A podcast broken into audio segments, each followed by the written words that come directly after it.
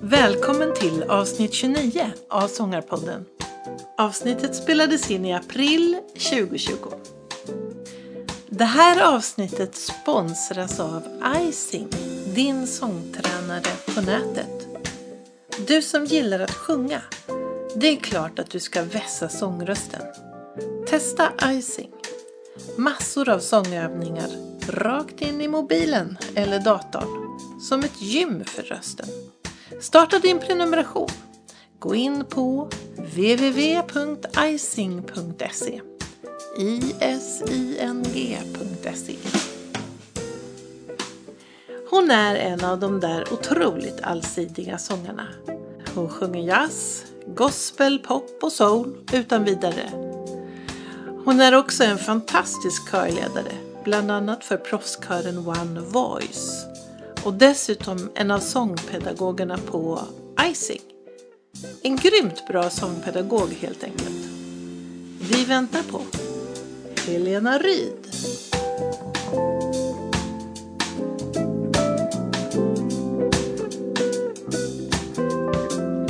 Välkommen till Sångarpodden, Helena Ryd. Tack så mycket. Jätteroligt. Och nu är det coronatider så vi sitter hemma, var och en hemma hos sig. Mm, så är det. Och det känns modernt och fint. Väldigt. Ja, Ja. Det, känns, det, känns, eh, ja, det känns faktiskt ganska häftigt Mm. att man kan göra så här. Ja, och eh, man börjar ju vänja sig nu att det, ja, det funkar. Och man, Mm. ja, jag har till och med börjat eh, jamma och repa på distans. Aha. Då till och med det funkar. Helena, du är ju sångerska Ja. och sångpedagog och körledare inom både jazz, pop, soul och gospel. ja. Många strängar på lyran. Men eh, först och främst är ju du sångerska. Eh, Ja. Och lite, jag tänkte, kan väl börja där. Hur det, hur det kom sig och eh, hur började du sjunga? Ja, alltså jag är så lyckligt lottad. Jag fick verkligen med mig musiken hemifrån. Båda mina föräldrar höll på med musik vid sidan av sina eh, ordinarie arbeten. Pappa var föreståndare för behandlingshem för narkomaner och alkoholister. Och mamma var sjuksköterska. Men de var också ute och sjöng och spelade tillsammans väldigt, väldigt mycket. I kyrkor framför allt. Och det hade de gjort sedan de träffades. Det var väl, jag tror faktiskt det var så de träffades också i kyrkan. Ehm, så det blev helt naturligt att jag och ja, även min äldre bror Anders. Jag har en 16 år yngre bror också som sjunger ljuvligt fantastiskt. Eh, Och vi har sjungit en hel del ihop i stämmor såklart. Johan heter han. Men han var ju inte med på den tiden då förstås eftersom jag var 16 år när han kom. Eh, vad var jag? Eh, jo, eh, jag och min äldre bror vi fick ju bara hänga på mamma och pappa när de var ute och sjöng. Eh, och väldigt snart så blev det helt naturligt att vi sjöng tillsammans, hela familjen. Särskilt jag då som var väldigt taggad. Min bror var Mm. kanske inte fullt så taggad, äh, storebror. Eh, Men det var alltid stämmor. Två eller tre eller ibland fyrstämmigt också.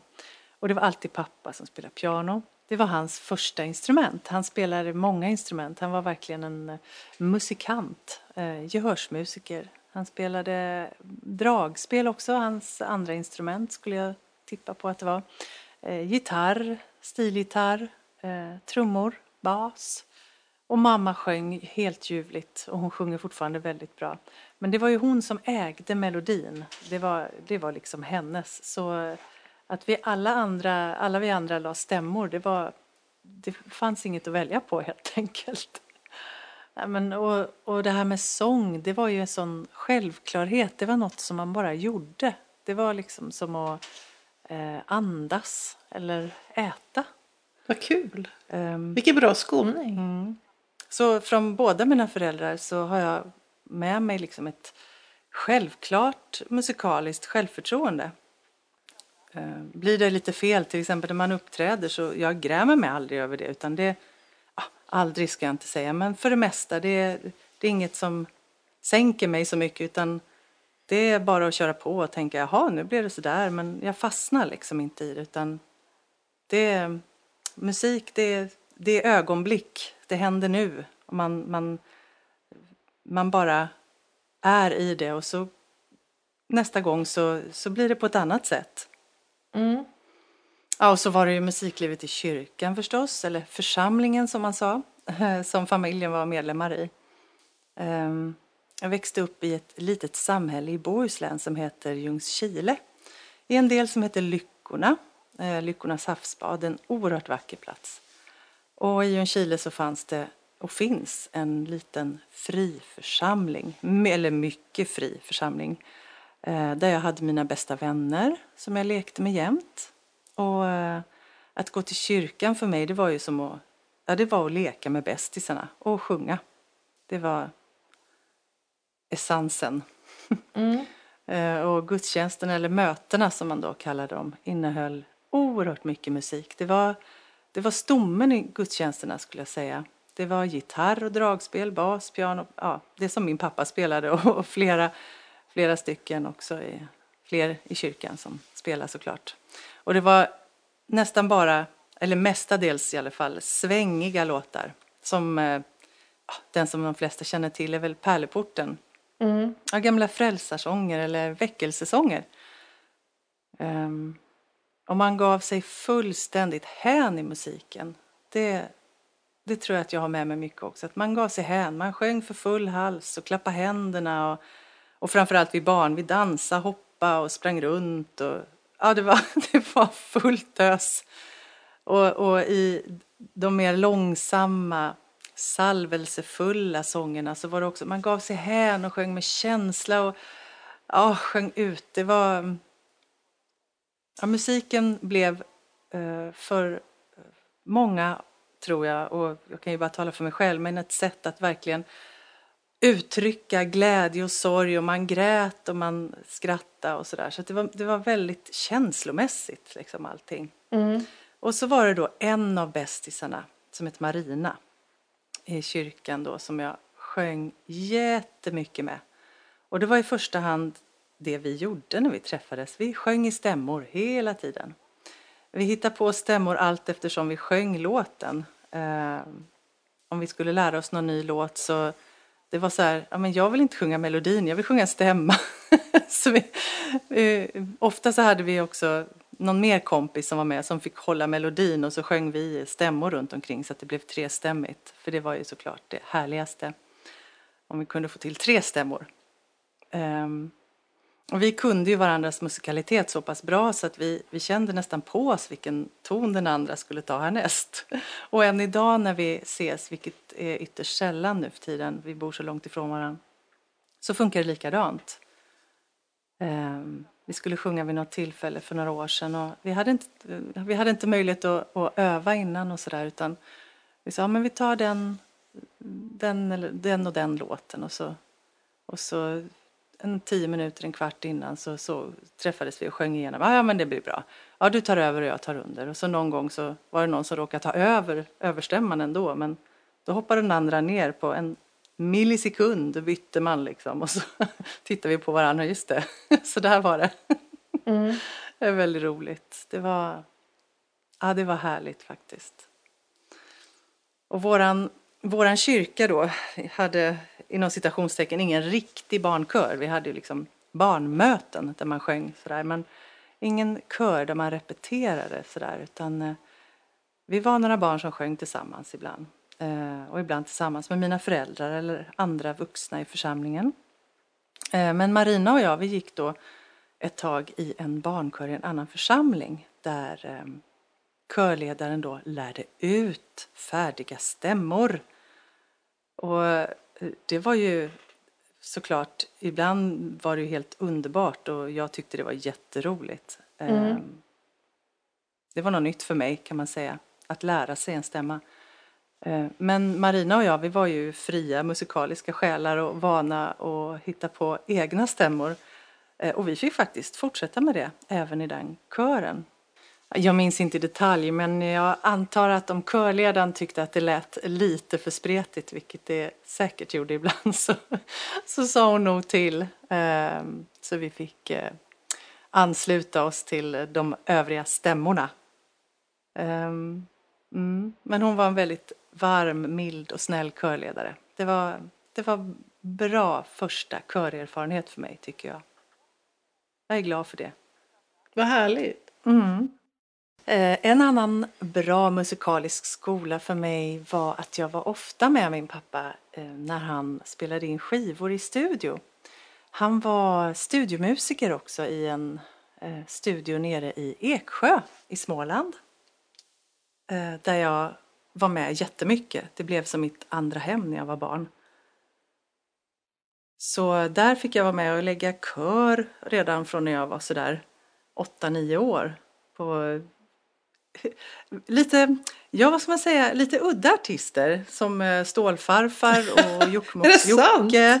Ja, Stålfarfar och Jokkmokks-Jocke och alla möjliga. Det, det, var lite av varje helt enkelt. Jag tänker att de flesta idag vet knappt vilka de där är. Det finns ju en och annan lite yngre som har hört Kullegullan koko som en gök, liksom med Jokkmokks-Jocke. Men Stålfarfar är väl lite värre. Eh, det är många som inte vet. Men eh, jag finns faktiskt till och med med på någon, Stålfarfars museum på någon bild där. Mm -hmm. Och vi fick med, finns med på ett vykort där, där vi var och hälsade på kungen och drottningen. Oj! Mm, fick audiens. Vi satt, Marina och jag då, vi var, då var vi, om vi var 11 eller 12 år gamla, då satt vi i en soffa där tillsammans med drottning Silvia. Hon satt mellan oss och, och så pratade vi. Ja, det var jättemysigt. Det var väldigt trevligt. Hon var mm. jättetrevlig. Mm. Kan man, men finns det, kan man gå och höra det här någonstans? Alltså inte när ni var hos kungen och drottningen, men alltså de här inspelningarna? Det kan man säkert. Har du kvar dem själv? Ja, absolut. Ja. Alltså jag lyssnar på dem. Alltså, det var ju, ofta var det julskivor som, eh, som spelades in, som jag var med och sjöng på, jag och mm. min kompis. Eh, så att vid jul så brukar jag plocka fram dem där. Eh, när det bara är familjen liksom. Mm. Vad mysigt. ja, det är faktiskt väldigt roligt. Men jag, jag var ju med och, så jag fick ju lära mig tidigt liksom det här med nu är det skarpt läge, tystnad, nu kör vi. Eh, och att man inte tar, alltså, personligen så när jag själv spelar in idag så, så är jag otroligt petig. Jag är, det, det vet ju ni, du och. Johan vet ju det med icing och sådär, att jag spelar in saker till det eh, och att jag är väldigt mån om att det ska kännas rätt och bra. Eh, men på den tiden, studietekniken där då, han, eh, han sa ah, det blir bra det här, det mixar vi sen, det klipper vi sen och sådär. Och jag minns att jag var så frustrerad att det var så jag tänkte det där blev inte bra. Alltså, åh, jag ville så gärna ta om, men mm. jag fick inte det. Um, men det var en bra skola. Mm.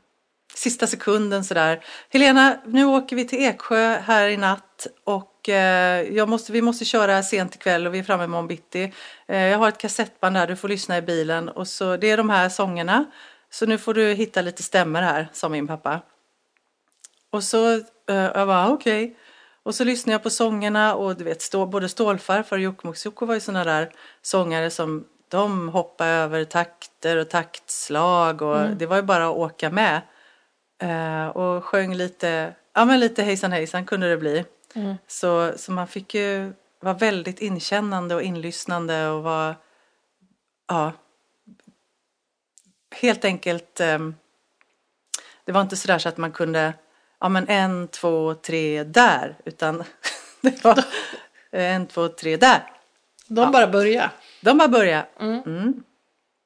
Lärorikt. Ja, fantastiskt. Mm. Inga noter, inga, inga för, allting fick jag ta ut på egen hand. Mm. Det, det, har, det har verkligen eh, präglat min musikalitet och så. Ja men det, det känns ju också, vilken grund. Det är som att det här som kanske känns stort och lite ja, främmande och märkvärdigt eller man ska säga. Det mm. har du växt upp med. Att gå in i en mm. studio och spela in. Ja, Mm. Ja, det var, jag var där nere och lekte i studion och mm. ja, det var, det var underbart. Jag tyckte väldigt mycket om dem som, som hade den här studion också. Så att, eh, särskilt då eh, frun där i huset som heter Vivian. Evan och Vivian Ljunggren heter de, bor nere i Eksjö. Vivian var ju som min extra mamma kan man säga. Mm. Hon gjorde allt för mig. Jag fick göra vad jag ville. Jag fick hur mycket godis jag ville. Ah, populärt. Mm. Mm. Vad härligt. Mm. Hur, hur fortsatte det, din musikaliska resa? Ja, alltså jag sjöng i kyrkan då väldigt mycket med min kompis och eh, det var ju där jag hade mycket av vårt liv kretsade kring kyrkan som vi var med i.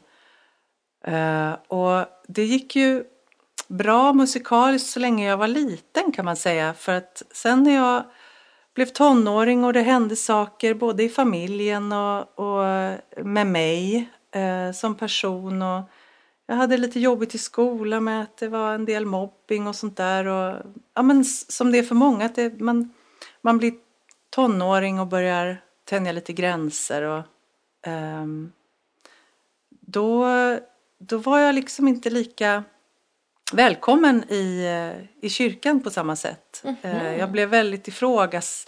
Alltså jag fick inte ifrågasätta och det, från att ha varit den där lilla gulliga barnet som man gärna ska vara i kyrkan, man ska ha ett sinnelag som ett barn. Nu, nu talar jag utifrån hur, hur det var då och hur min upplevelse var. Jag säger inte att det, att det är så idag, det, det kan jag inte säga någonting om eller att det är så för alla men för mig var det, det var en hemsk upplevelse för att plötsligt så var jag inte den där lilla gulliga som kunde ställa vilka frågor som helst och ehm,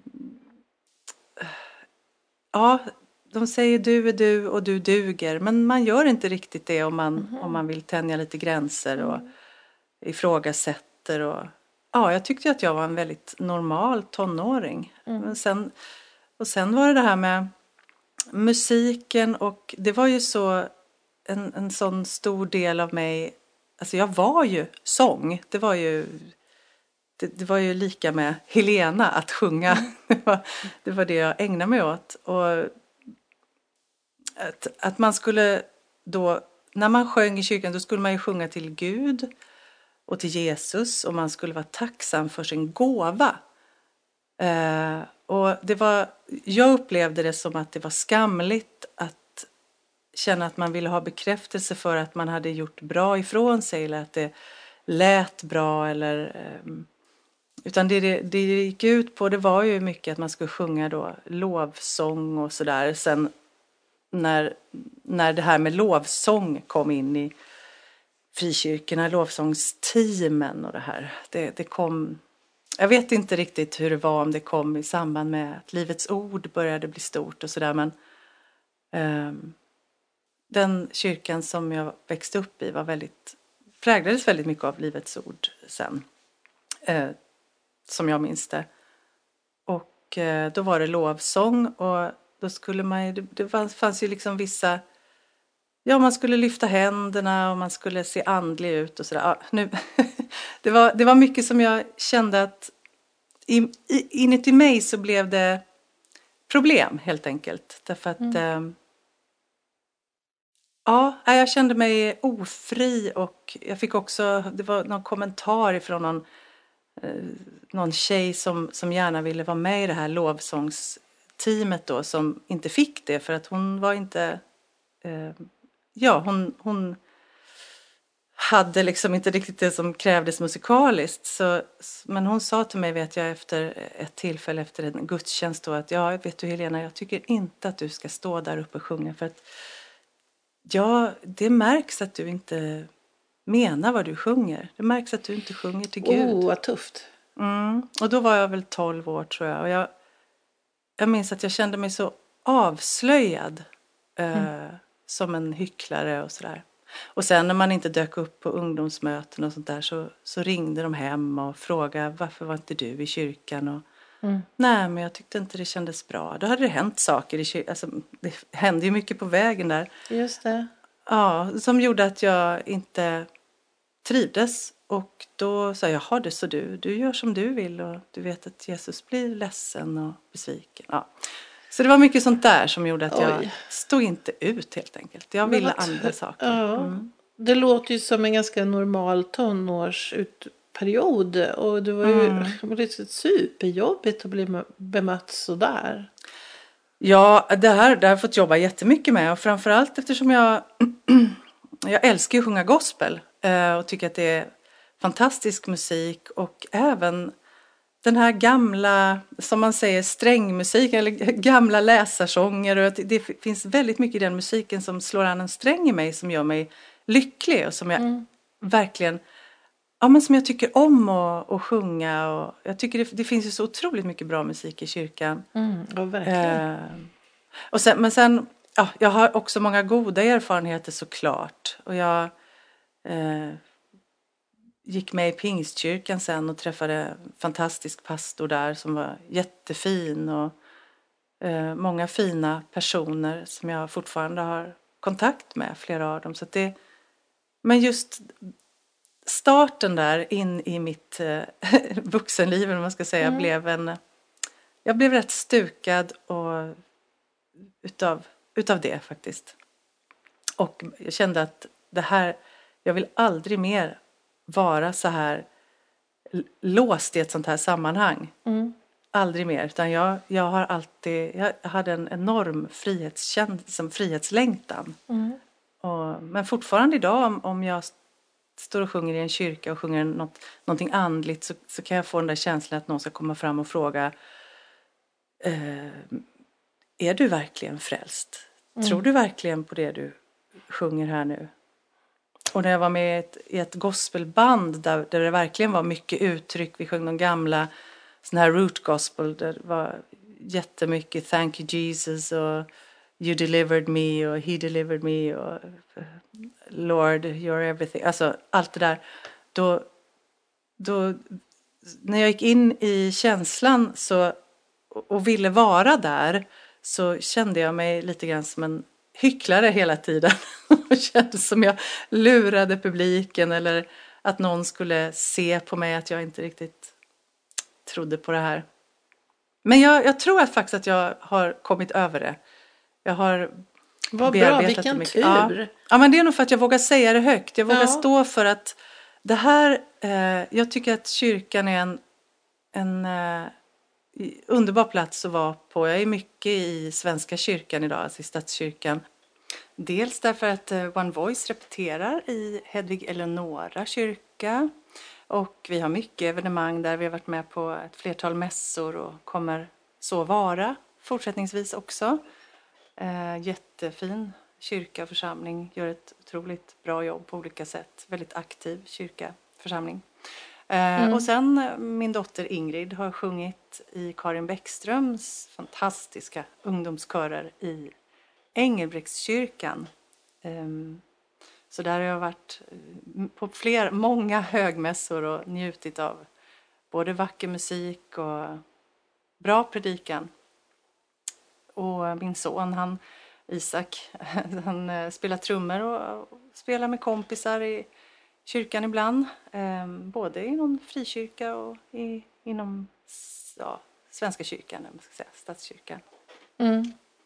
Och de kristna vänner jag har, eh, de betyder ju otroligt mycket för mig. Eh, Man förstår varann. De känner ju igen mycket av det som jag pratar om, i, de som är i samma ålder som jag. Vi har lite olika erfarenheter men ja, de kristna vänner jag har, flera av dem är ju musiker själva eller sångerskor och känner igen lite utav det där. Det är intressant att prata om. Men de har lite andra erfarenheter. Många, Mm. eh, det ser så otroligt olika ut i kyrkorna och har gjort. Och sen i våra kyrkor av olika slag så finns det massor med människor som gör så mycket för ungdomar och för behövande på olika sätt. Och det ska vi vara så glada över. Eh, Så jag, jag, jag tycker om att vara i, i kyrkan idag, Svenska kyrkan ska jag säga. Fortfarande lite rädd för, för frikyrkan, får jag säga. Det är jag faktiskt. Mm. Mm. Va, tack för att du delade med dig av det, detta. Mm. Så jobbig upplevelse. Ja, jag, jag, märker att när jag, när jag, varje gång jag pratar om det här så, så blir jag, jag blir lite nervös. Liksom. Mm.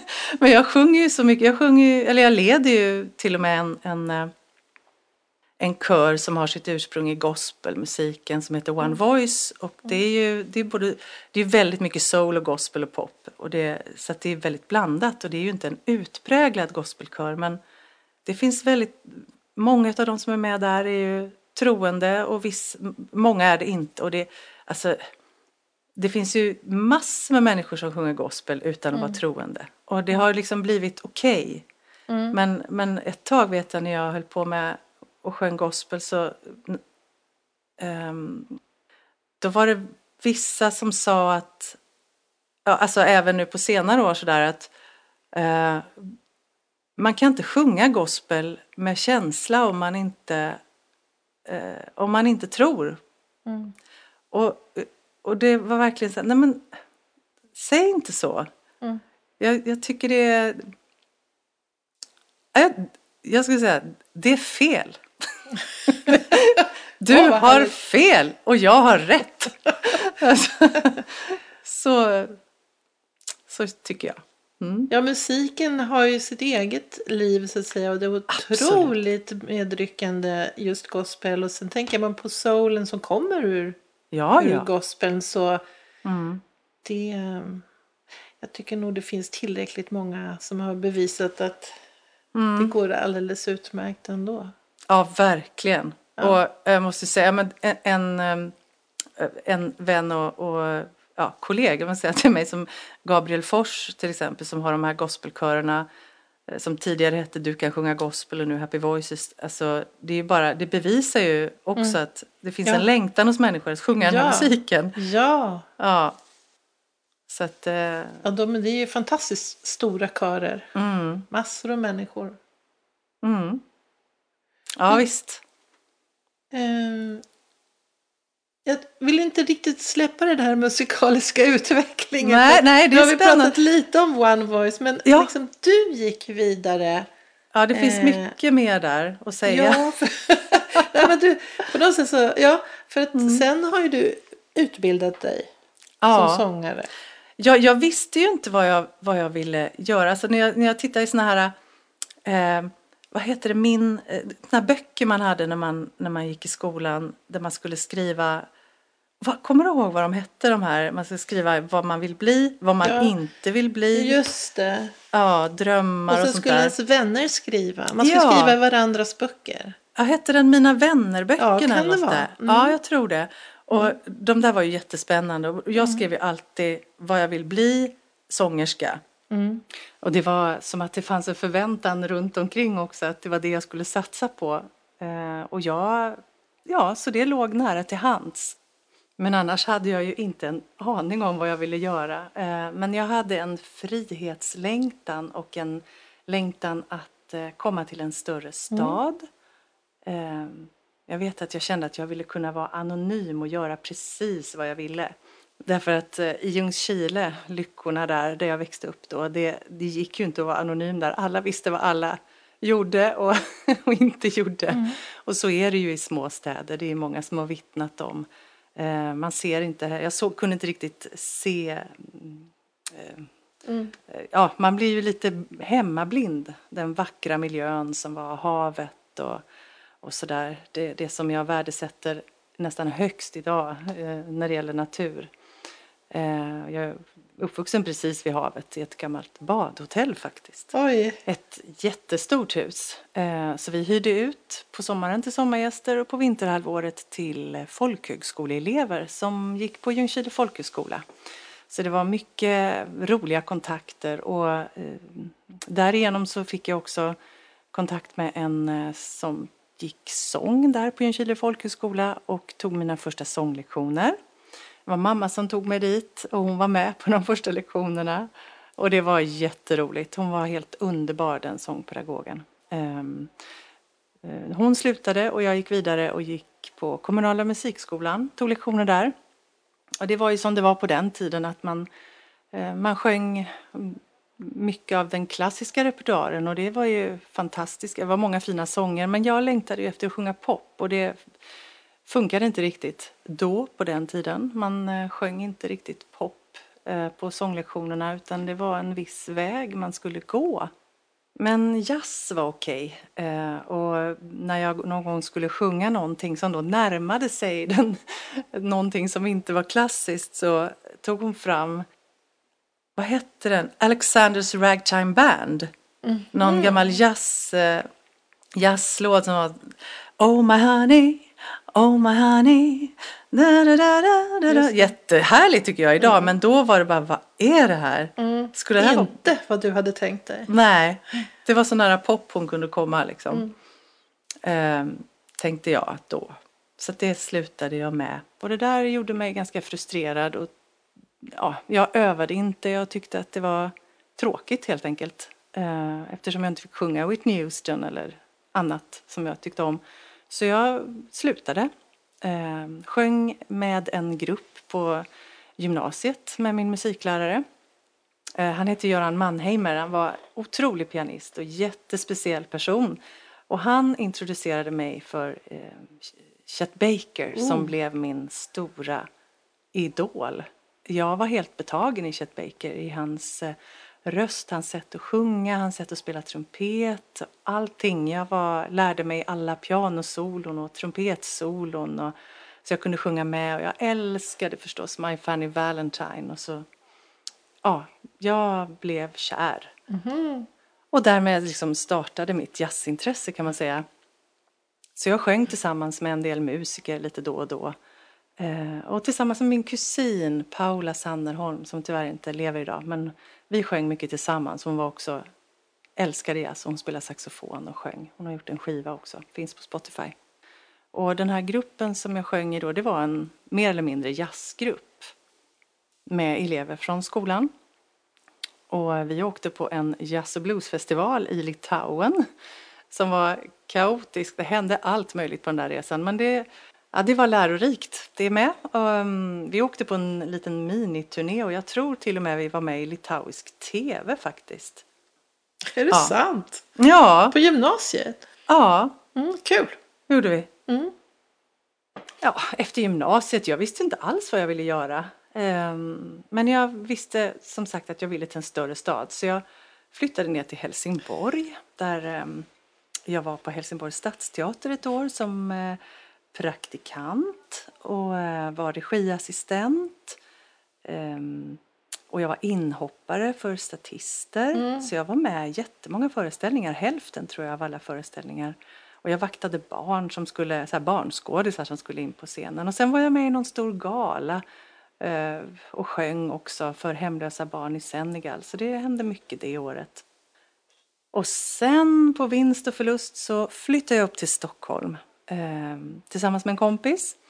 Och eh, jag hade inget jobb men det löste sig snabbt, tack och lov. Jag, det var ju lättare att få tag på jobb snabbt på den tiden. Och längtan efter att sjunga jazz eh, växte sig väldigt stark. Så jag eh, sökte till Kulturama. Och där gick jag då i ett och ett halvt år. Och då började jag vilja sjunga på riktigt liksom. Mm. Och då, och då Kulturama vuxenutbildning? Ja, precis. Mm. Så då sjöng jag, eh, då var det bara jazz som gällde där ja. under, under ett och ett halvt år kan man säga. Mm. Sprang ute på jam sessions på Fasching och, eller på alla ställen som jag kunde hitta. Mm. Så var jag och jammade, lärde mig all, i stort sett alla låtar i Realbook. Jag vågar inte säga alla för då kanske någon förhör mig sen. men, men det var ju och det var ju på den tiden, det fanns ju ingen, ingen Spotify, ingen YouTube, ingenting sånt mm. utan det var ju bara att eh, ja, jag fick gå till, jag vet jag fick gå till Kulturhuset och lyssna på skivor där om jag skulle ja, lära mig någon ny låt. Det är något för dagens ungdomar att veta. Man fick faktiskt, ja.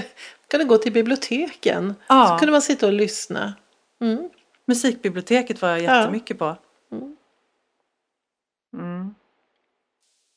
Och sen när jag började kunna Alltså, jag hade spelat piano från det jag var sex år, lite sådär. Men jag, jag fullföljde inte så att det blev så att jag kunde använda mig av det så jättemycket. Men jag kunde väl kompa mig själv lite grann. Men när jag verkligen förstod det här med hur man lägger ackord och jag kunde ju spela efter noter lite grann. Så att att sitta och peta ut sådär, ta ut låtar i, i, Real Book och lära mig och så lyssna. Jag lyssnar jättemycket på, fortfarande på Chet Baker men också Sarah Vaughan och Ella och sådär. Det vart ju fantastiskt när man jag satt med en liten DX7 där i rummet som jag hyrde. Fräckt. Mm. Ja. ja, Kulturama var en jättehäftig tid. Och eh, det var flera lärare där som inspirerade mig jättemycket att vilja bli sångpedagog och jobba med det här resten av mitt liv. Mm. Ja, så var det. Och jag fick vänner för livet. Flera som jag sjunger med fortfarande idag. Mm. Eh, och man stöter på gamla Kulturama-folk liksom i olika sammanhang. Det är väldigt roligt. Och sista terminen på Kulturama så träffade jag via en tjej i klassen på Kulturama min man Martin som jag lever med. Och sen efter Kulturama, då var det ju sådär, jaha, vad händer nu? Ska man söka musikhögskola eller vad ska man göra för någonting? Så jag, ja, det var, då var det lite sådär, vilken väg ska jag ta nu? Mm. Eh, men då blev det faktiskt teater ett år. En uh, ungdomsteatergrupp som jobbade med stora uh, musikteaterföreställningar med och för barn. Och det var också väldigt lärorikt. Och det gjorde att jag fick lite blodad tand för att liksom vilja fortsätta med det här. Mm. Så jag sökte till SMI och kom in och gick där då i tre år. Um, och um, sen efter SMI så hade jag som tur, då fick jag jobb direkt på en kulturskola.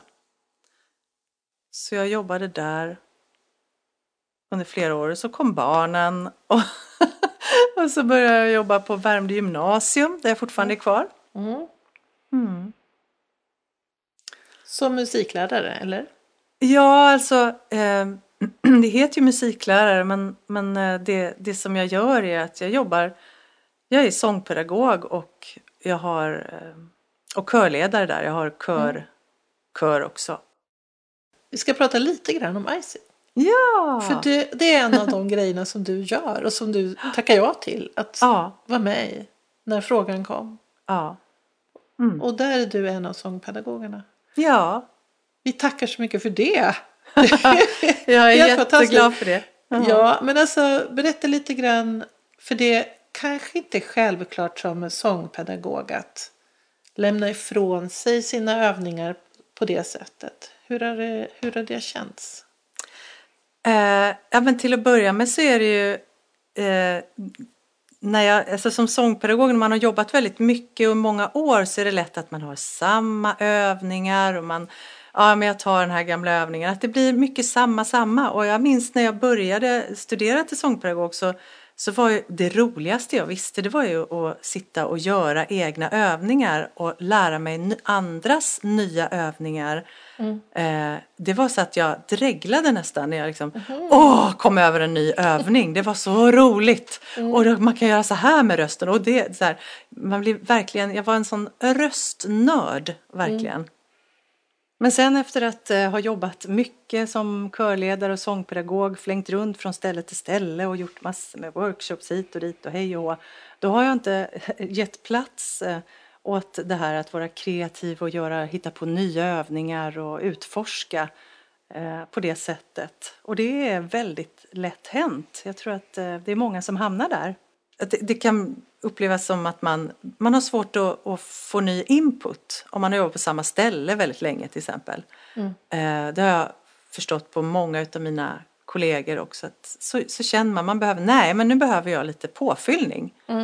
Eh, och det kan vara svårt att fylla på sig själv, man kan behöva hjälp utifrån. Men nu i och med icing så fick jag en möjlighet att återigen liksom ta det där steget att släppa massa andra saker och bara gå in i att eh, vara kreativ och göra det som jag gjorde för länge sedan när jag började. Hitta tillbaks till min kärna liksom. Att, att eh, göra nya egna sångövningar och utforska min egen röst lite till. Och, ehm, så det, Ja, för det, kändes gjorde ju du. Du, spelade Ja. du hittade på nya sångövningar. Ja, jättemånga nya Enkom sånger. för icing. Vi var bara jättehärligt helt enkelt. Ja. Och de är verkligen superbra. Ja, men jag tycker jättemycket om dem. Vissa tycker jag om mer än andra. Det blir sådär när man har hållit på med dem ett, ett gäng ett tag så märker man att det här är mina favoriter. Ja, de där är också bra men det här blir, liksom, vissa blir favoriter som man använder väldigt mycket. Eh, men det är verkligen, eh, jag får ju tillbaks till en, en ja men en, ett rum i mig själv, liksom ett lust, lustfyllt rum som jag, Vad kul! ja, som jag ska gå in i nu igen när jag ska göra, när jag håller på med fler övningar. Yay! Yay, yay. ja, jätteroligt. Ja, jag använder det varje dag så jag, jag sjunger med dig eller Kristina Gustafsson som ju också är Ja. varenda dag. Så att, Ja. Ja, och jag och flera av mina kollegor använder icing i sångundervisningen och jag även i kör. Eh, Att nu när vi har distansundervisning att man kan säga Perfekt. till eleverna att före lektionen så kan du gå in i icing och göra en uppvärmning som du tycker är, är skön och som är bekväm för dig och som passar dig.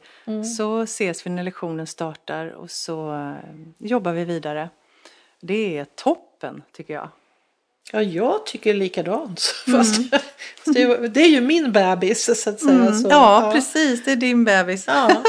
ja, men jag tycker jag gillar det.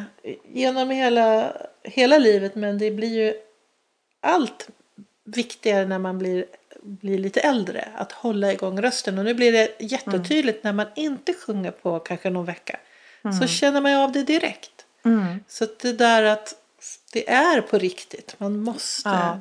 Och nu i det här med coronatiderna så känner jag också att det är ganska härligt att känna att man tränar andning just. Det har ju kommit fram att det är viktigt även på det sättet. Men du, jag tänker du, du ju, när du gör de där övningarna så är ju du väldigt bra och du är väldigt pedagogisk när du talar om varför man ska göra det. Så jag tänkte det är ju din, din eh, profession som sångpedagog. Men jag vet att du har lite åsikter om olika metoder. Och, Alltså, jag, jag jag vänder mig inte mot att det finns olika metoder eller mot någon särskild metod utan det jag vänder mig emot det är när man säger att det här är den bästa metoden. Ingenting annat fungerar lika bra. Ehm, det finns inte en metod som passar alla. Eh, och det är vi såklart många som är överens om. Men det finns de som försöker liksom tjäna pengar på att det här, det här är det som funkar. Gör inte det andra för det är fel. Eller att man säger sig ha en quick fix på ehm, alla sångtekniska problem. Sångpedagogens jobb är ju att ge vägledning eh, till att lösa sångtekniska problem. Eh, och när man väl då har hittat lösningen tillsammans med eleven så behöver man ju öva det många gånger. Eleven behöver öva och öva eh, för att det slutligen ska eh, gå mer per automatik. Att man inte ska behöva tänka på exakt hur man gör. Till slut så sitter det där. Det är ju så mycket inom sång, inom sång som handlar om att utforska sin egen röst. Och om man är rädd för att testa olika saker, testa olika tekniker och eh, att låta på olika sätt. Kanske för att man har hört att gör du sådär så kan du skada rösten eller att det blir en noja och då målar man ju verkligen in sig i ett hörn eh, och får inte chansen att upptäcka massa nya ljud och man får, man får så mycket färre möjligheter och det är jättesynd. Mm. Ja, men jag har träffat elever till exempel som, som um, har blivit skrämda utan naturligtvis har inte avsikten från pedagogen eller den de, de har varit hos och sjungit um, att skrämma dem på något vis men att de tror att de förstör sin röst om de gör på ett visst sätt. Uh, och väldigt ofta så har de missförstått det hela. Um, så ja, det, så ska det ju inte vara. Mm. Vi har ju så många olika musikgenrer eh, och subgenrer till varje genre eh, nu för tiden. Och sångidealen har förändrats och är i förändring. Det händer ju saker hela tiden. Och det har ju forskats så mycket på detta och det har verkligen vuxit bara sen, sen jag gick på sångpedagogutbildning eh, i slutet av 90-talet. Och det är ju helt otroligt. Bara boom har det sagt. Eh, och det, det är väldigt skönt därför att eh, man kan vara så mycket mer konkret och sätta ord på och förklara istället för att ägna sig åt eh, blomsterspråk. Och det kunde ju ibland bli hur flummigt som helst.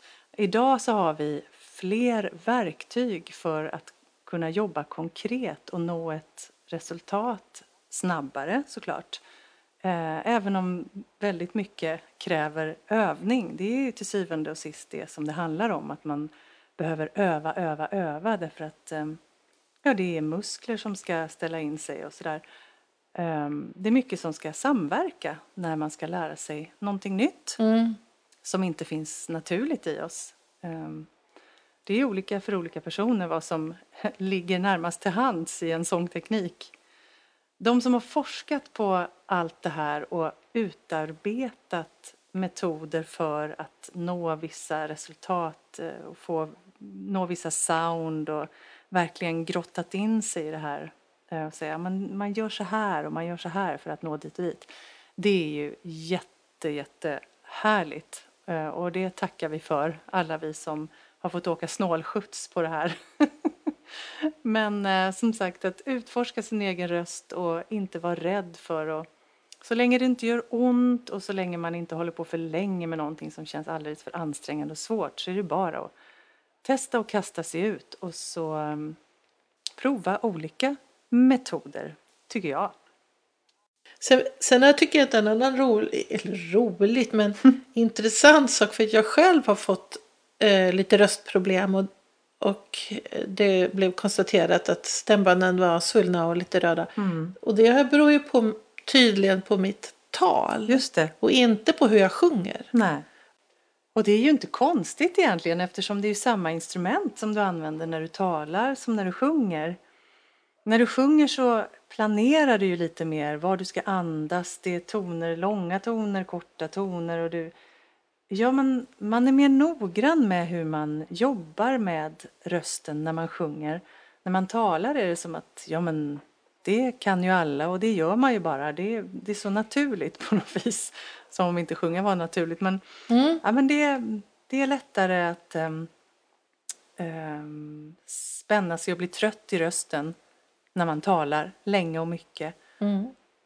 Och det märks också hur man mår i rösten när man talar på ett annat sätt än när man sjunger.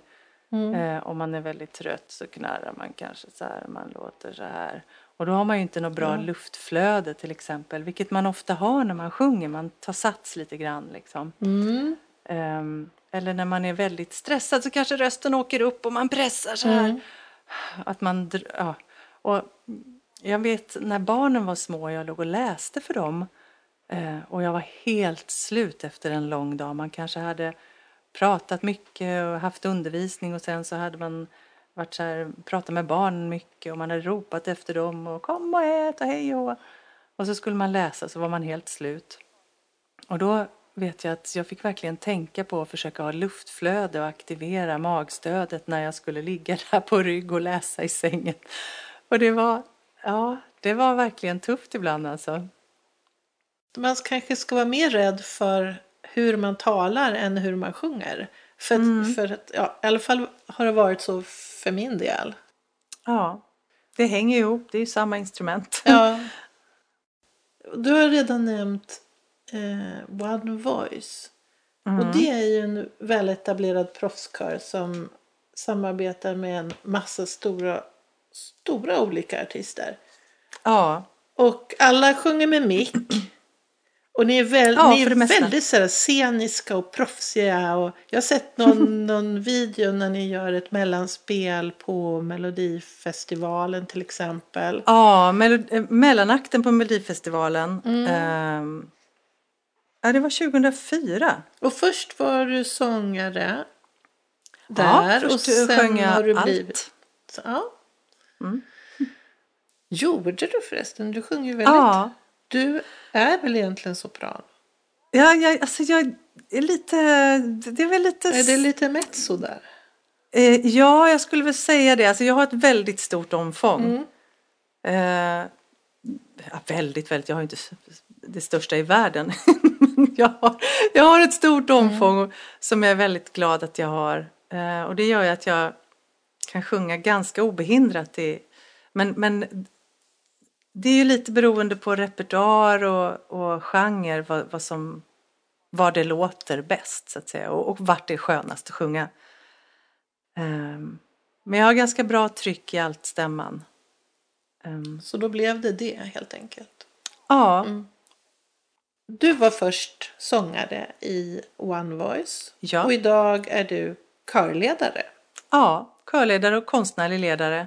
Det är ju en väldigt speciell kör måste man säga. Mm. Det är, mm, det är poppigt och det är souligt och det är sceniskt och ni är liksom lite så här proffsiga i någon sorts under, underhållningskör nästan. Eller vad, håller du med mig? Ja, men det, alltså det är en annorlunda kör på många sätt. För att det, vi har gjort väldigt många eh, så gästspel i olika produktioner. Mm. Alltså sjungit med jättemånga olika svenska artister, mm. några av våra största svenska artister. Eh, det var också flera utav eh, alltså, Sveriges artistelit som har inlett sin karriär via One Voice. Som Sarah Dawn Finer till exempel, hon var ju bara 12 år när hon började med oss. Åh! Mm. Det visste inte jag. Precis. Ja, så var det. Ja, vad roligt att höra. ja. Ja, det, ja, sen har vi ju Gladys Del Pilar som var med mm. under flera år. Hon är ju förstås inte med längre men vi har mycket samarbete med henne. Hon är grym. Mycket alltså soul, gospel, pop, eh, musikal. En värsting till syster har hon gjort eh, huvudrollen i nu här under en lång period. Eh, Blossom Tainton, också mm. otroligt härlig sångerska och ja, hon gör ju mycket annat också. Eh, varit programledare i tv och sådär. Um, och sen har vi Gabriel Fors då som var körledare före mig under många år. Mm. Uh, han vann ju tillsammans med, alltså i gruppen Blond, Melodifestivalen med låten Bara hon älskar mig. Ja, men vi har haft många uh, och har fortfarande um, personer som är musikalartister eller var andra artister. Mm. Eller körtjejer som till exempel Britta Bergström som eh, var med i kören i många år. Och hon, hon har så mycket sångjobb nu så hon hinner inte vara med och så bor hon ju i Luleå. Så det är många väldigt, väldigt duktiga sångare som har varit med och som är med i kören. Alltså alla i kören kan vara solister. Alla vill inte men eh, alla skulle kunna. Mm. Och det är lite så vi har jobbat också för att One Voice är ju inte bara en kör som jobbar med artister eller eh, i produktioner med andra artister utan vi är också en egen artist med fantastiska sångare. Mm. Um, och det är vi väldigt stolta över. Det är ju vår styrka att sångarna är så duktiga och erfarna och har uh, sån känsla för sväng och sound. Och, ja, jag tycker vi har ett unikt sound. Ja, det är väldigt, väldigt roligt att jobba med One Voice. Mm. Ja, vi har jobbat med utländska artister också, till exempel Olly Murs eller Michael Bolton. Är det sant? Oh, hur var det? Westlife. Mm. Ja. Wow. ja, det här var ju före min tid. Lite... Nej, vilken otur! Jo, jag vet! Det här var före 95, mm. eller 2005. Mm. Jag började 2005. Mm. Ja. Ja, men, och, så det, och många har ju varit med väldigt länge. Det är fortfarande ganska många kvar som har varit med från början. Mm. Vi har sjungit ihop oss och det, när vi ses och repar eller sådär så det går väldigt snabbt att få det att låta bra. Mm. Om man, när jag sitter och arrar så hör jag ju för mitt inre öra hur det ska låta när One Voice sjunger mm. de här köraren. Um, Ja, och sen, sen är det ju det där att eh, när jag sitter och arrar så behöver jag inte vara orolig för att ja, men, oj, det där blev lite högt för de där tonerna kan inte basarna ta. Mm. Eller de där låga tonerna kan inte altarna ta. Eller oj, jag skulle vilja ha mer tryck där. Jag behöver en altröst. Ja, men då trycker jag upp altarna. De, de shopar sig inte när de kommer upp i höjden. Mm. Och sopranerna, jag skulle vilja ha ett jättehögt eh, eh, pip där uppe. Gärna lite läckigt. Ja, men då kan jag lägga den eller den på de där tonerna. Mm. Eh, och att man, det, det finns sån eh, vidd och bredd i kören så att det, det, det går att göra så otroligt mycket. Och det gör ju att man känner sig fri när man arrar. Då blir det ju riktigt bra. Och så blir man ju som en familj. Vi har ju hållit på så länge tillsammans mm. och eh, stötts och blötts och man kan bli irriterad på varandra och sen så känner man verkligen att man längtar efter att träffas och som det såklart är i många körer som har hållit på länge. Mm. Och sen har vi våran kapellmästare Rodney Alvén som också har hängt med sedan tidernas gryning, höll jag säga. Men han har varit med jättelänge. Mm. Tog ett uppehåll ett tag men kom tillbaka. Så betyder också jättemycket hans glädje och eh, att vi har vårt speciella sätt att mm. skämta med varandra. Och han har en syster som är med i kören också. Ja, och det, de medlemmarna i kören är ju eh, man är trygg med varandra och vågar och ge sig hän och vågar ge järnet och skratta mycket och skämta mycket. Och, ja, har mycket historia tillsammans som man mm. kan eh, hänvisa till i, i olika sammanhang och bara det räcker med en blick så kan man bara asgarva och sånt där betyder ju jättemycket, att man har kul ihop. Mm. Och kören älskar ju att uppträda, att stå på scenen, det är bara, ja men man kan verkligen se hur det bara blixtrar till så mm eh, och, och tänder till ordentligt. Eh, jag tror aldrig jag sett One Voice slösjunga utan det är alltid liksom skarpt läge och fullt ut. Nej, det är så coolt att få leda en sån kör. Jag är stolt över det. Efter det här så måste du använda Sångarpoddens Facebookgrupp och lägga ut när ni har konsert så man kan gå och lyssna. Absolut! Ja, det vill, det vill vi ha. Ja, men vi skulle ju haft jubileumskonsert. Precis. Mm. Mm. 29 mars, eh, One Voice eh, firar 25 plus. um, och, um, ja, så vi, då, då, skulle vi ju haft uh, våran jättestora konsert som vi hade jobbat och slitit med uh, under hela hösten och ja, nu under hela våren. Allt var klart, vi börjat sälja massor med biljetter. Och bara några veckor innan då, eller Ja, det var ju alltså, precis då det drog igång med ja, den här coronasmittan. Så blev det det där att det får vara max 500 personer um, som skulle samlas. Så då fick vi, tack och lov, vi ska ha på, den, på Rival. I Stockholm? Uh, ja, Rival i Stockholm. Och det är en, alltså de har varit så fantastiska. Det har varit så skönt att ha kontakt med dem för att de uh, vi fick okej okay att, att flytta fram konserten helt Oj, enkelt. Vad bra. Mm. Så eh, konsertdatumet är en söndag den 13 september måste jag Får väl hoppas att det kan bli av. Idag verkar, känns det som att det här kan pågå ganska länge. Ja, jag vet. Det är... Det vill man ju inte. Nej, men, men söndag 13 september eh, satsar vi på nu i alla fall. Mm. Och då har vi ju, eh, då har vi ju flera gästartister. Det är Sarah Finer, det är Victoria Tolstoy som vi också har jobbat jättemycket med. Och så är det Blossom eh, som också är konferencier. Och Gladys Del Pilar. Och både Gabriel och jag kommer att, leda kören då mm. eftersom han, han kom först och sen kom jag. och, ja, och vi har fantastiska musiker med oss. Och, ja, det ska bli väldigt, väldigt roligt. Så vi håller tummarna att det går att få ihop. Ja, annars det som ligger framför oss i höst ehm, efter jubileumskonserten så ska vi vara med på två mässor.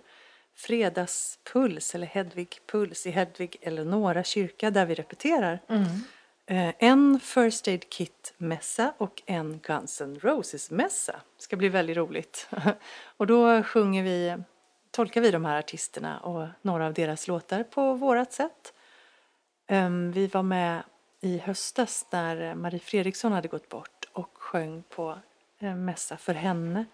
Och det var så fint. Massor med folk var det såklart. Och, mm. Ja, det det är ett väldigt trevligt och fint samarbete med Hedvig Eleonora um, som vi får möjlighet att ha uh, i och med att vi repeterar där. Det är väldigt trevligt. Hörru du, mm. Mm. då har vi pratat om One Voice som är den här. Men sen har ju du, det är så intressant med dig för då har du egentligen en väldigt annorlunda kör som Ja, du har startat till och med tror jag. Eller du är i alla fall körledaren Ja. för Popelongkören.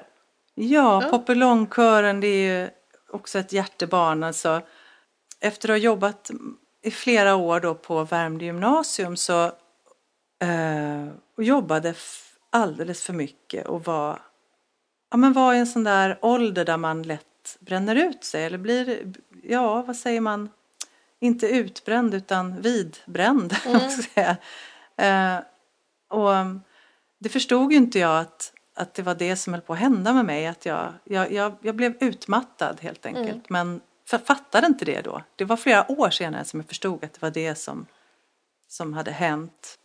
Så istället för att sjukskriva mig då så tog jag tjänstledigt. Eh, Det här var hösten 2012 eller våren 2012. Eh, Och startade egen firma. Så jag hade en del sångjobb. Men så ville jag ju göra någonting mer. Och så fick jag höra utav eh, en vän eh, som rekommenderade en skola ute i Åkersberga som heter Popskolan. Och jag tänkte, åh, in i skola, i skola igen. Men då var det ju, det är ju en musikskola ute i Åkersberga. Helt fantastisk skola. Med två, ja, eldsjälar är väl, man säger kanske det fortfarande. De, de brinner för, för den här skolan och för barnen som kommer dit. Eh, och för musiken. Och, och, och jag googlade lite grann och kollade vad är det här för ställe. Och då är, visar det sig att där, där jobbar ju artister och musiker som är ja, några av de mest anlitade i Sverige. DJs, låtskrivare, producenter. Jätteduktiga människor. Verkligen. Och eh, Rickard och Linda Hedlund då, som driver skolan har ju också lång erfarenhet i den här branschen och det är deras liv. De är också musiker. Linda är sångerska och låtskrivare och sådär. Eh, så jag blev jättenyfiken och kolla, kolla upp det där. Så jag vände mig dit och fick ett varmt mottagande, en stor kram och hej vad spännande och vad roligt. Ja men så vi satt och pratade en hel eftermiddag och, och så då växte det här fram. Ja men du borde ju starta en, en kör, sa Rickard.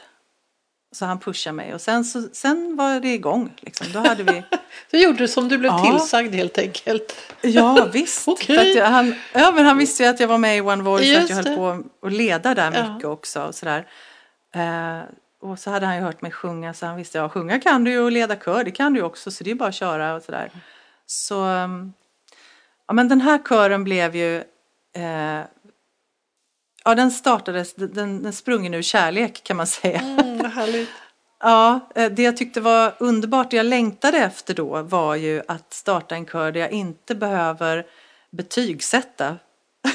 Ja, Jag behöver inte, jag behöver inte hålla på och tänka, är de bra eller dåliga? Eller hur bra är de och Ja. hur mycket kan de? Utan alla var väl, jag ville ha en kör dit alla var välkomna och där det bara skulle vara glädje och lust och bra musik. Så jag hade ju med mig musiker också som var varje repetition, i slutet av varje repetition så hade jag, ja i början så, så var det både bas, trummor, eh, gitarr och piano.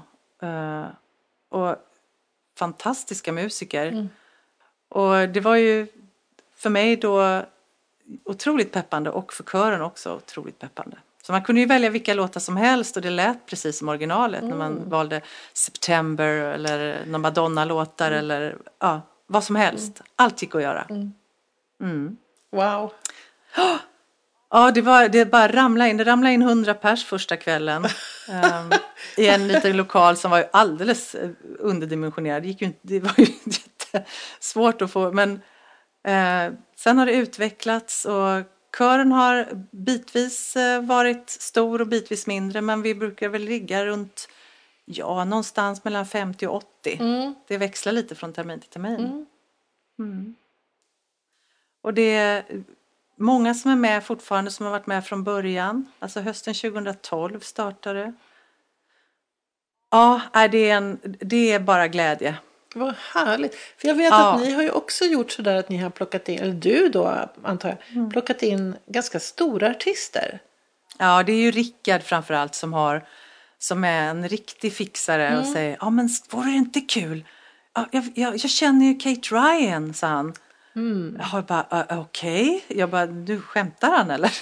så, eh, så vi hade ju den här eh, fantastiskt stora artisten Kate Ryan som gästartist. Och, Härligt. ja, ja, och, ja, och det, det betyder ju, det, det som det blir ju på riktigt på något vis. Även om kören har inte som ambition att det ska, eh, och inte jag heller, att det ska låta fantastiskt. Liksom. Jag vet ju att med, med eh, om, för det här är ju, alla är ju välkomna. Så att alla är ju liksom inte jättevana sångare. Men det låter så bra eh, väldigt ofta. Eh, det tar lite längre tid att liksom få det att låta. Men, eh, men framförallt så finns det ju en väldig vilja och glädje och lust. Mm. Och, och det, det blir ju liksom en extra knorr när det blir sådär mm, vi får jättebra ljud, vi får jättebra ljus, vi står på en riktig scen och det är riktigt duktiga artister och det är ju jättepeppande för kören Ja, det är såklart. klart. Mm. Och för mig. Ja. Mm. ja, men stora happenings. Jag vet att jag såg någon, någon video som ligger ute med Magnus Carlsson och, och Ja, just det. ja, Papillonkören. Jättekul. Ja, det är roligt. Ja. Ja, sen har vi...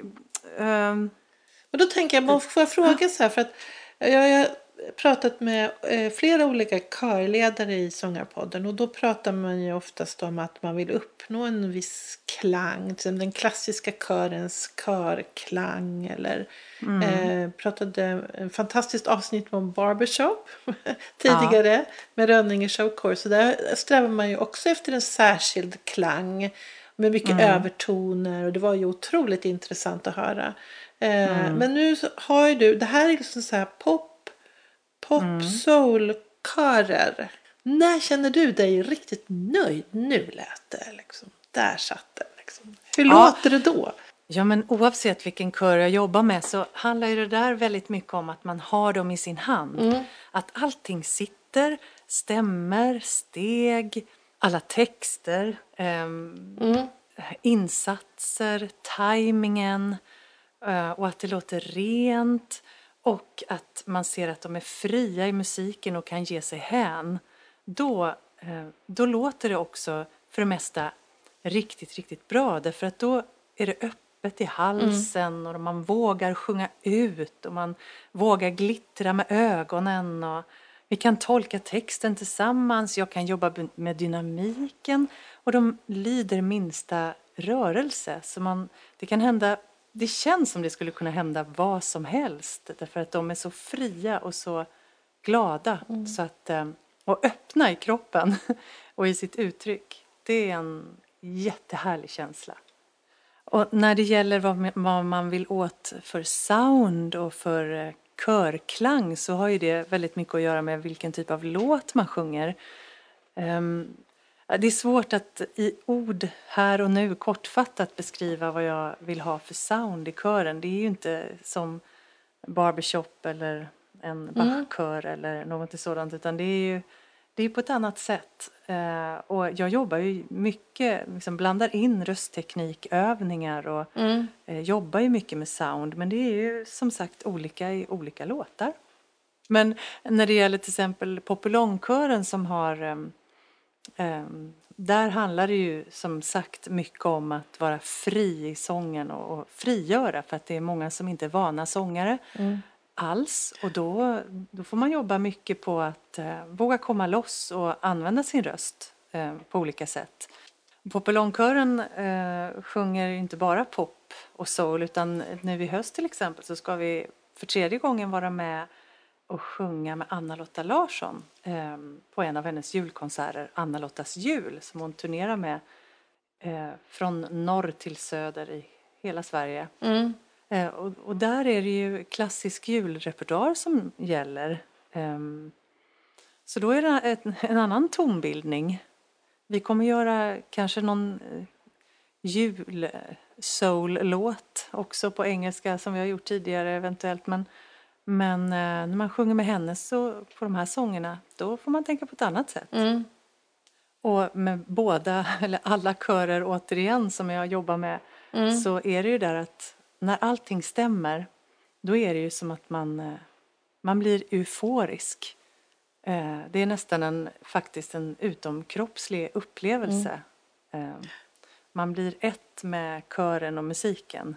Det upplever jag väldigt ofta med One Voice när vi sjunger. Det är som att jag undrar, är det jag som leder dem eller är det de som leder mig? Eh, för de är ju så ofantligt proffsiga och det låter så bra. Så det är som att jag, jag känner ju precis själv, de gör precis det som jag skulle gjort själv om jag stod och sjöng. När du jobbar med dina körer, vad, har du någon särskild som vision eller hur, på vilket sätt du vill arbeta med de här körerna? Ja, alltså vision eller snarare längtan tänker jag. Att det, visioner är ju sprunget ur en längtan som man har. Och i mitt fall så var ju längtan inget konstigare än det jag redan har pratat om. Att, att få jobba med en grupp människor som, eh, där jag inte behöver sätta betyg eller eh, omdömen eller hålla koll på eh, hur många gånger de har varit borta ifrån kursen och, och sådana där saker. Utan bara ägna mig åt att få det att låta bra genom att pumpa in energi, lust, glädje, få dem att glömma vardagen, jobba eh, intensivt med eh, svåra detaljer eh, och utveckla deras eh, eh, de, ja, utveckla och utmana dem i, i, med sångteknik och sound och allt sånt som får, gör att det låter bra. Sväng, timing eh, och intonation. Att kunna göra det eh, utan att behöva sätta betyg på dem. och då, det blir ju så automatiskt att om man, om man släpper allt annat och fokuserar på, på de här, på en sak eller på ja, flera små saker och, och, och stora saker under en repetition. Det, det, det blir ju ett flow. Eh, och då utvecklas man, antingen man vill eller inte. För utvecklingen är ju jätteviktig också, även om det är en kör som inte har bara toppsångare. Mm. Populonkören har ju eh, flera väldigt duktiga sångare och flera som har sjungit jättemycket i kör, i traditionella körer. Ehm, och många som, som eh, inte är så vana och en del har jättesvårt att ens pricka toner och, och svårt att hitta i, i mm. sitt register och sådär. Ehm, men då blir utmaningen att hitta något som funkar, som är lagom svårt för båda grupperna så att säga. Ehm, det svåraste tycker jag är att göra enkla saker som man kan göra både svårt och lätt och mm. samtidigt få det att låta riktigt bra. Eh, så ibland så gör jag lite för krångliga arr tror jag. Eh, och vissa är så här, ja de dreglar nästan och tycker det är jättestimulerande. Och vissa bara, nej, åh vad det här var svårt.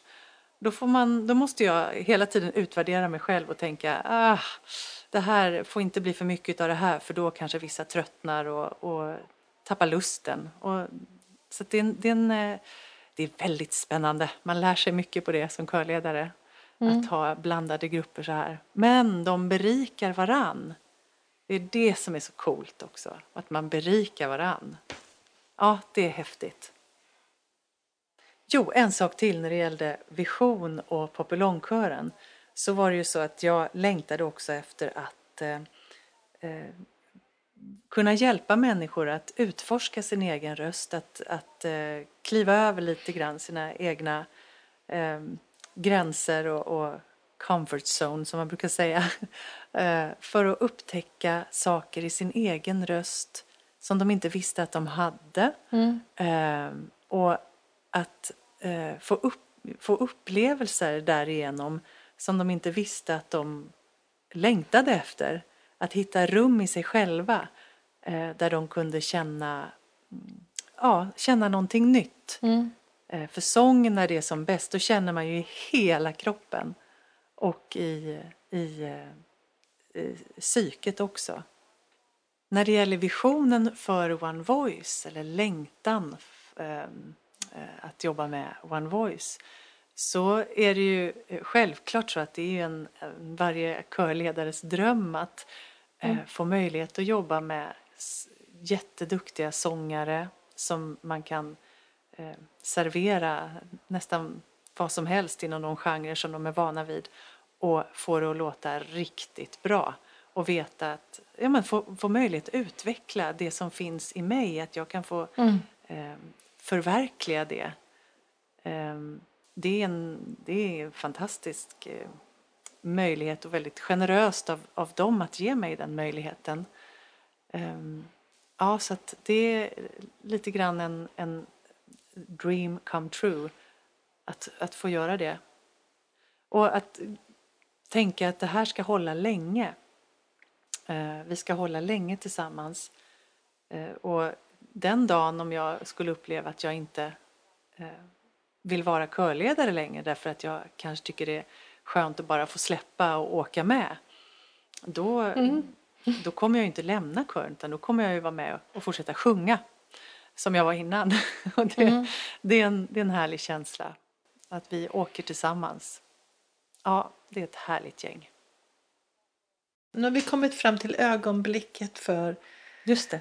tips till Just det. Sångarpoddens lyssnare.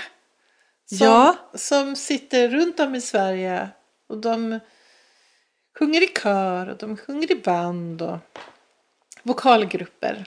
Mm. Ska de få tips från Helena Ryd. Jag är ju lärare och gillar att komma med många tips. Ja, Nej, men Du kanske kan ge många tips. Ja, men Mm. Det är ju så här att jag har ett eh, stort tips som har en rubrik som man skulle kunna säga Ge dig själv chansen att våga uppleva något som du inte visste att du ville uppleva. Och det handlar om, där under den rubriken så finns det många små rubriker. Och det är till exempel att inte fastna i ett röstfack. Många körsångare har en tendens att göra det tycker jag. Alltså om man har sjungit länge, att man tänker eh, Ja men jag är ju allt, jag kan inte sjunga de där höga soprantonerna. Jo då, våga testa och kasta dig ut och ge dig inte förrän det känns lite lättare, åtminstone lite lättare efter ett tag. Det är det ena, inte fastna i ett röstfack. Eh, och det andra är att testa olika sound. Det är också jätteutvecklande för, eh, för en sångare och en person, en körsångare, att, att eh, ljuda och låta på olika sätt med rösten. Eh, eh, då, då kan man eh, också tänja sitt omfång och, och nå högre toner och nå lägre toner. Så det finns ju så mycket att uppleva där. Och sen att våga fulsjunga. Då kan du upptäcka massa saker. Det hänger ju lite grann ihop med det här att, att inte fastna i ett röstfack, att vå- testa olika sound. Att man, för att på vägen så kommer det säkert låta på ett fult eller på ett sätt som du tycker är fult. Och det är väl inte så farligt. För att rösten ska kunna vara fri och fungera optimalt så behöver man ha ett rörligt struphuvud. Att det liksom inte är spänt och sådär eh, runt struphuvudet och i halsen. Och sjunger man i samma röstfack jättelänge liksom, eller enbart då, då blir det ju, kan det ju bildas spänningar eh, eh, som gör att man tror att man inte kan komma högre eller lägre. Men det går att komma till rätta med. Bara du vågar testa och kanske ta hjälp av en sångpedagog om det känns för tufft. Eh, Eller bara sjung i duschen eller i något annat rum när du känner dig trygg. Sjung och var glad. Det är mitt tips. Ja men det tackar vi för. Det var fantastiskt bra. Nu ska vi alla hem och testa. Eh, sjung så högt, högre än vad du trodde du kunde och lägre. Ja. Och starkt och svagt och läckigt och, och, och tätt. Hur som helst. Mm, Roligt. Precis, ja. Men eh, Helena, tack så jättemycket för att du var med i Sångarpodden. Tack så hemskt mycket. Det har varit väldigt roligt.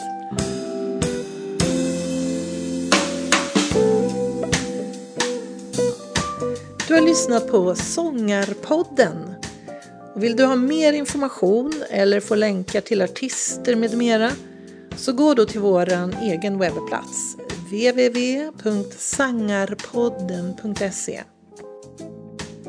du som är sångare och tycker att det är svårt att hålla igång din sångröst Kolla in Icing, din sångtränare på nätet. Gå in på www.icing.se ising.se så får du veta mera. Vi hörs!